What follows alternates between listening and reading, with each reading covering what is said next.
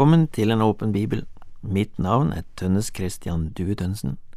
Til daglig jobber jeg i laget, og jeg reiser rundt for å hjelpe unge mennesker og, og spre evangeliet på skoler og studiesteder.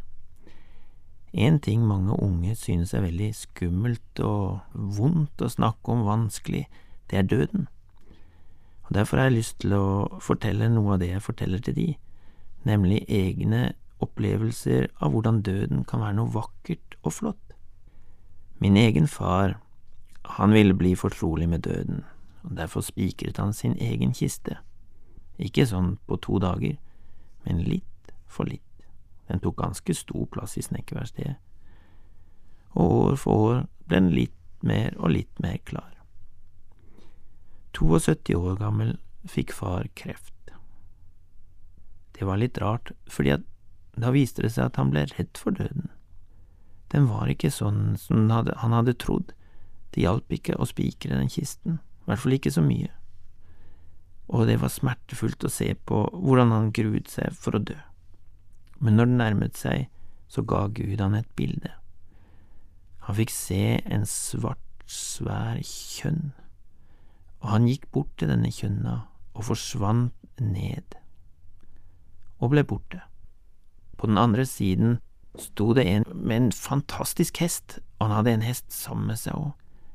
Og på andre siden så får han da se seg selv komme opp, på andre siden av døden. Og rytteren til hest, det var Jesus. Og så fikk han sette seg på den andre hesten, og så red de sammen inn i solnedgangen. Det var til stor oppmuntring for far. Og en uke før han døde, da kom Gud på sengekanten til han, og da fikk han den tryggheten han trengte. Han ringte meg og fortalte nå har Gud vært der, og nå er jeg trygg.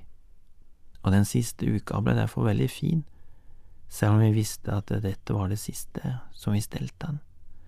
Bare to timer før han døde kom den siste av mine tre søsken, sånn at vi fikk være sammen hele familien rundt ham når han reiste hjem.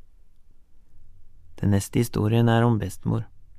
Da hun lå på dødsleiet, skulle jeg til Frankrike med en ungdomsgruppe, og hele turen måtte bli avlyst hvis jeg skulle være der akkurat når hun døde. Det hadde jeg ikke samvittighet til, så jeg gikk inn for å si farvel til henne for siste gang.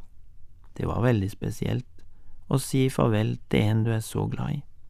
Så på slutten, da holdt jeg hodet hennes i hånda mi, og så fortalte jeg om alt jeg ville takke henne for. Jeg takket henne for hun hadde vært en fantastisk bestemor, og fortalte henne om så mye rart som hun hadde gjort for meg.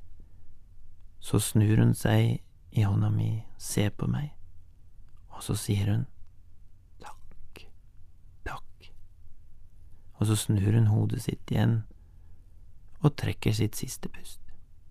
Hun døde der i hånda mi, og det var en fantastisk opplevelse, noe så vakkert. Den siste historien er om mor. Hun hadde noen forferdelig smertefulle år de siste seks årene av sitt liv. Det var rygg, skulder, tå, pluss, pluss. I tillegg til alle smertene tapte hun helsen og musklene sine. Musklene bare forsvant bort, og hun kunne gå kortere og kortere for hver dag. Dessuten mistet hun selvstendigheten og ble bare mer og mer avhengig av andre for å hjelpe seg så hun bodde på Høvågheimen, og jeg pleide å ringe henne og høre hvordan det gikk. Og det som var så rart, det var at til tross for alt dette forferdelige påkjenningene, så svarte hun jeg har det bra. Jeg skjønte ikke åssen det var mulig. Så en dag spurte jeg henne, du, hvordan, hvordan kan det gå an at du som mister musklene dine, du som mister selvstendigheten din og har så mye vondt, hvordan kan du ha det bra? Og da svarte hun, det er Jesus. Mot slutten så, eh, så sa hun en gang, Den dagen jeg dør, det blir den lykkeligste dagen i mitt liv. Tenk å kunne ha en så stor trygghet inn mot døden. Hvor kom den ifra? Jo, mor, hun var flink til å bruke tid med Gud. Hun brukte lang tid med Gud hver eneste morgen, gjennom hele livet sitt. Sånn har jeg også lyst til å ha det. Når jeg blir gammel, så har jeg også lyst til å kunne si at eh, jeg har det bra, selv om jeg mister helsa mi og ikke kan klare meg sjøl lenger.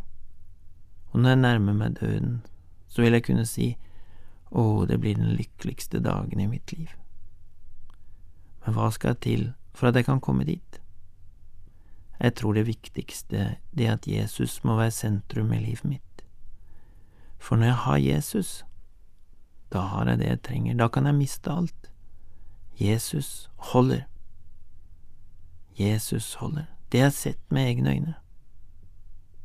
Og derfor så kan døden være noe vakkert. Derfor så kan vi se fram til å dø. Det er ikke alltid at den er noe vakkert, det er ikke alltid at døden er god, men den kan være det. Og når Jesus er der, så holder han. La oss be.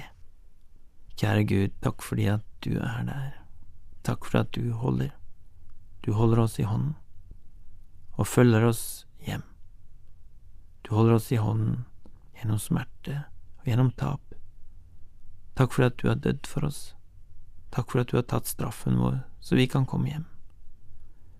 Og hjelp oss, Gud, til å ha deg i sentrum av livet vårt, at det er du som er der, og ikke oss selv. Takk, Gud, for den du er, og for du er så uendelig glad i oss. Amen. Tønnes Christian Due Tønnesen delte Guds ord med oss i dag i serien Over en åpen bibel. Den produseres av Norea Mediemisjon. Les gjerne mer om oss på norea.no.